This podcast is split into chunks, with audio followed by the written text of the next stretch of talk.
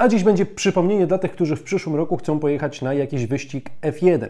Będzie o nowym rezerwowym w ekipie Alfa Romeo, będzie o ciekawych debiutach, zbliżających się debiutach w Formule 1, a także o poprawkach w Mercedesie. Zapraszam na kolejny ósmy bieg.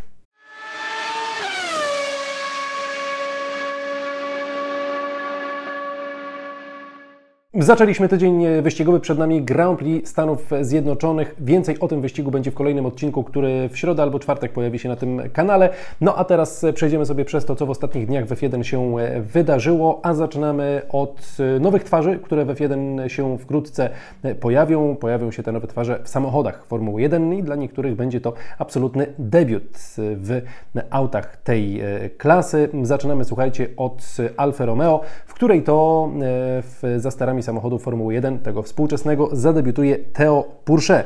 To jest e, gość, który jest e, dobrze znany tym, którzy e, sporo informacji na temat Alfa Romeo czytają, bo jest to kierowca, o którym Fred Wasser od już no, w zasadzie ładnych paru lat powtarza, że to może, to może być przyszłość ekipy Alfa Romeo. No ale kiedy przyszło do wymiany całego składu Alfy, kiedy żegnano się z Giovinazzi, kiedy żegnano się z Raikkonenem, no to jakoś Theo Pourchaire jeszcze akurat nie był gotowy, bo trzeba było wziąć Guan Yu bo Valtteri Bottas wtedy był e, dostępny, więc Teo na razie cierpliwie czeka, jeżdżąc sobie w Formule 2 i notując całkiem przyzwoite wyniki. Na pewno nie jest to kierowca jakiś bardzo przeciętny, trudno też powiedzieć o nim, że jest to jakiś talent na miarę Russella, Norrisa czy Leclerca, którzy w F2 e, swego czasu e, imponowali. No i Teo Porsche zadebiutuje za kierownicą współczesnego samochodu Formuły 1 podczas treningu na Grand Prix Stanów Zjednoczonych.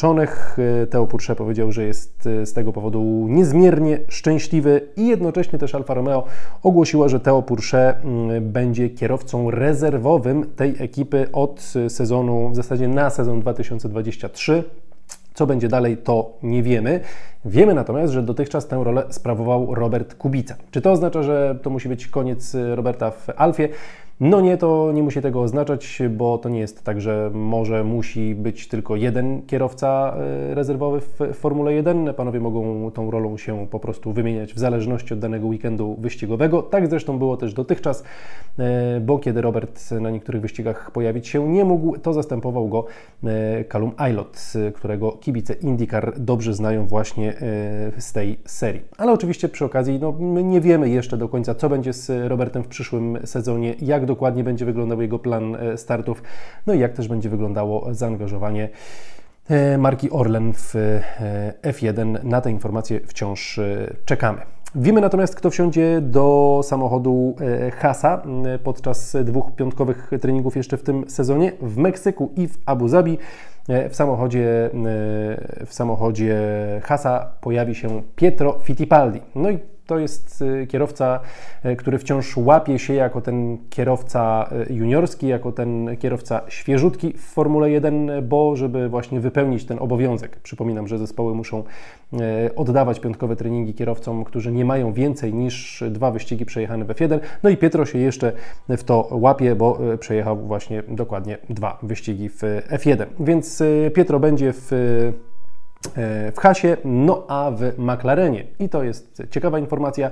E, do samochodu wsiądą Alex Palou i Patricio O'Ward, czyli znowu zawodnicy bardzo dobrze znani z serii IndyCar.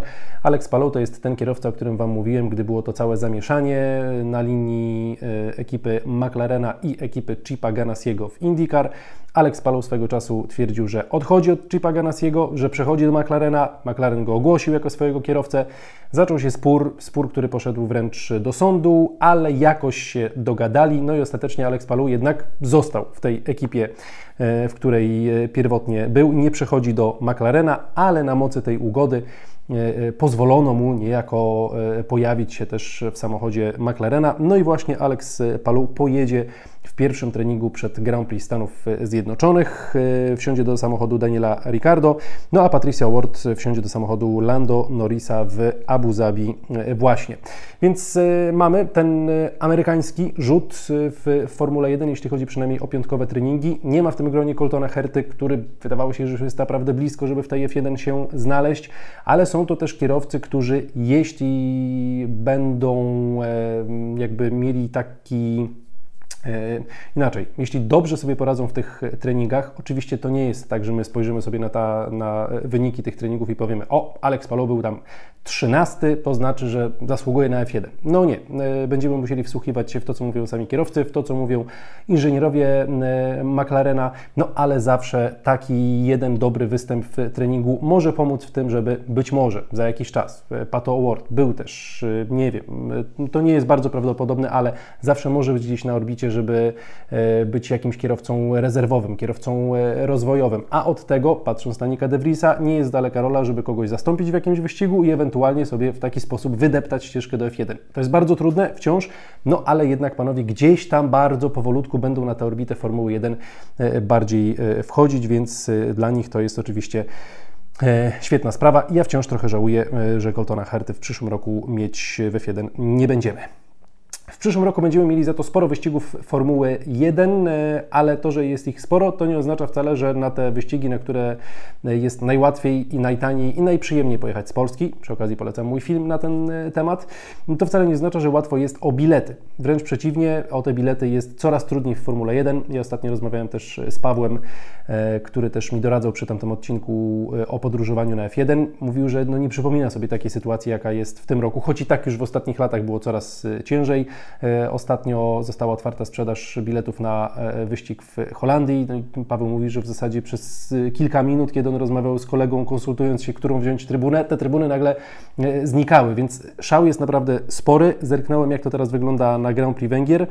Zostały już, jeśli chodzi o najtańsze bilety, to tylko wejściówki za 245 euro. Tak to wygląda na Węgrzech. W Austrii, na Grand Prix Austrii też tych biletów jest bardzo mało. Najtańsze też są za 245 euro euro.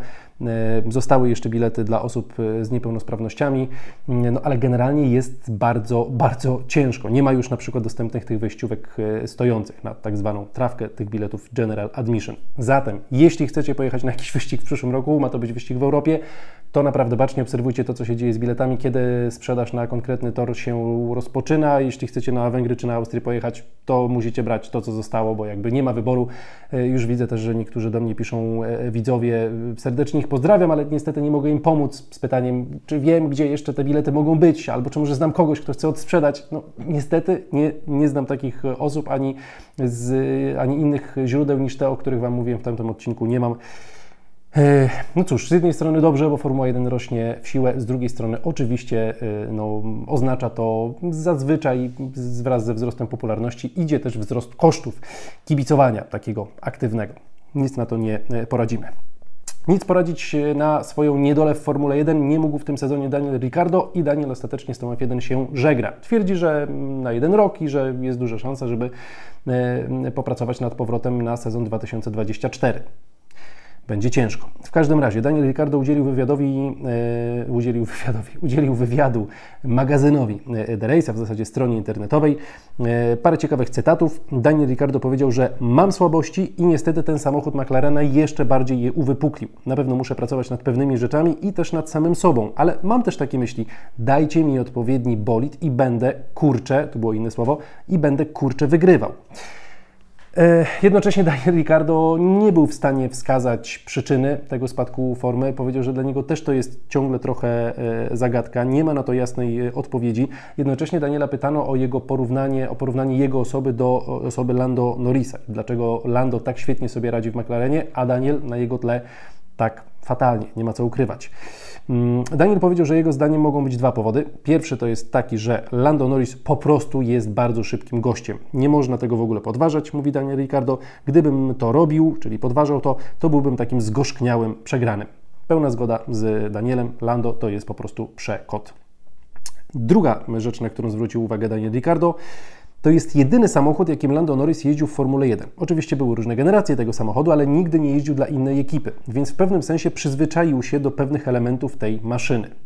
No i to już jest taka ciekawa e, e, teza, dość ryzykowna i zahaczająca o, o, taką tezę, którą łatwo podważyć, patrząc na niektórych innych e, zawodników. Ok, jasne, to jest trudny samochód w wprowadzeniu, w opanowaniu. Mówił o tym Carlos Sainz, mówił o tym od samego początku Daniel Ricardo. No ale właśnie, Carlos Sainz, sezon 2019, sezon 2020 Carlos Sainz był szybszy od Lando Norrisa. Lando Norris, ok, wiadomo, to były jego pierwsze lata w Formule 1, ale to nie jest tak, że Lando Norris wtedy był słaby. No nie, Carlos Sainz notował lepsze wyniki od, y, od Norrisa, był od niego wyżej w klasyfikacji generalnej. Carlos Sainz później poszedł do Ferrari i też był szybki. Carlos Sainz wcześniej też jeszcze jeździł w innej ekipie i też był całkiem szybki, a nawet w innych ekipach. E, więc e, no, nie jestem przekonany, czy to jest tak, że jeśli jesteś w jednej e, ekipie przez dłuższy czas, to tak wiele ci to daje przewagi nad tym drugim zawodnikiem. Jednak jeśli u Daniela inaczej by się to układało, to wydaje mi się, że takiego argumentu tutaj by nie, nie zastosował. Zastanawiam się, co Wy o tym, o tym sądzicie.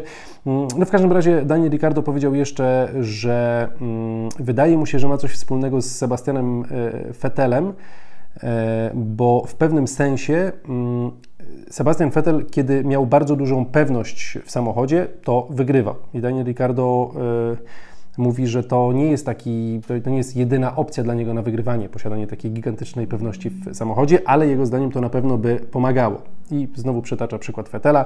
To jest kierowca, który jeśli czuje, że ten samochód jest zrobiony pod niego, e, kiedy czuje pełną kontrolę, to po prostu będzie, i tu znowu jest przekleństwo użyte, po prostu będzie kurczę dominował cały świat F1. E, no, akurat Sebastian Vettel w czasie, gdy dominował, to miał bardzo dominujący e, samochód, więc no, znowu w Formule 1 porównywanie się jest bardzo, bardzo trudne, bo tych czynników jest e, mnóstwo. Mm, I na pewno Lando Norris odrobinę łatwiej ma przez to, że jeździ trochę w, w McLarenie dłużej niż Daniel Ricciardo, ale bez przesady. Mamy nowe samochody w tym sezonie, nowe konstrukcje, oparte trochę na innej koncepcji aerodynamicznej jeśli miał być taki moment, który by coś mógł zmienić w życiu Daniela Ricardo w kontekście tych trudności, to mogło być to właśnie to, ale nawet te sprawy się pogorszyły. Co ciekawe, jeszcze y, a propos Daniela Ricardo, mm, Otmar Schaffnauer y, w rozmowie z Racing News 365 przyznał y, podczas spotkania z, z mediami, E, na Grand Prix Japonii, że były jakieś rozmowy z Danielem Ricardo, e, kiedy okazało się, że ani Alonso, ani Piastri u nich nie będą jeździć, ale ostatecznie spojrzeli na Gasliego jako na takiego najlepszego e, kandydata, bo jest młody i szybki, po prostu. No i zobaczymy, co z tego w przyszłym roku wyjdzie. Mm, jeśli chodzi o Mercedesa, oni też bardzo mocno patrzą na przyszły rok. Mówią, że już te prace nad samochodem na kolejny sezon E, to są prace, no może nie tyle zaawansowane, ale rzeczywiście sporo czasu na to poświęcają. E, no a do Austin, do Stanów Zjednoczonych przewiozą swoją e, ostatnią taką dużą poprawkę aerodynamiczną. No i Andrew Shaolin z Mercedesa mówi, że mają nadzieję, że to im doda trochę prędkości, ale przede wszystkim chodzi o naukę, bo coraz więcej wiemy, coraz więcej wyciągamy wniosków, takich, które możemy też przełożyć na kolejny rok. Jednocześnie Toto Wolf y, mówił jakiś czas temu, że Red Bull i tak będzie miał w przyszłym roku przewagę, no bo w tym czasie, kiedy Mercedes musiał naprawiać swoje błędy z początku sezonu, to Red Bull już mógł się rozwijać, no ale to tak zawsze można y, mówić. Bardzo, bardzo, bardzo jestem ciekawy, jak ten przyszły sezon będzie wyglądał, czy szykuje nam się jakaś dominacja Red Bulla dłuższa. E, czy też na to liczę, e, że Mercedes i Ferrari będą się im jednak w stanie e, przeciwstawić. I na koniec tego odcinka jeszcze słuchajcie dwa słowa o serii Freka, czyli formule, o formule regionalnej, czyli o formule dla kierowców nieco młodszych, Romana Bielińskiego i Piotra Wiśniewskiego tam mamy. W miniony weekend jazda na torze pod Barceloną, na torze Katalunia, przed nimi jeszcze jedna runda została na torze Mugello. W każdym razie w Barcelonie Roman Bieliński był 21 i 14 w obu wyścigach, a Piotr Wiśniewski 28 i 25. Dobiegają powoli końca te serie juniorskie. Ja po zakończeniu tych yy, sezonów też postaram się Wam tutaj przygotować jakieś rozmowy, czy to z Tymkiem Kucharczykiem, czy z Kacprem e, sztuką, tak żeby usłyszeć od chłopaków, jak to ten sezon w ich oczach wyglądał. A na dzisiaj to już wszystko. W Formule 1 może nie dzieje się jakoś bardzo wiele akurat w, w tym czasie, ale e, już teraz Was zapraszam na kolejny odcinek, bo przed Grand Prix Stanów Zjednoczonych na pewno będziemy sobie mieli o czym jeszcze e, porozmawiać. Na razie też wciąż czekamy na to, co będzie z limitem wydatków przekroczonym przez Red Bulla. Tutaj na razie na tym polu mamy absolutną ciszę, czy to ze strony FIA, czy to ze strony Red Bulla. Przy okazji weekendu w Stanach na pewno będzie o tym dużo, dużo głośniej. Dzięki za dziś, miłego dnia, wieczoru, poranka, w zależności kiedy oglądacie Wam życzę. Trzymajcie się i cześć, cześć.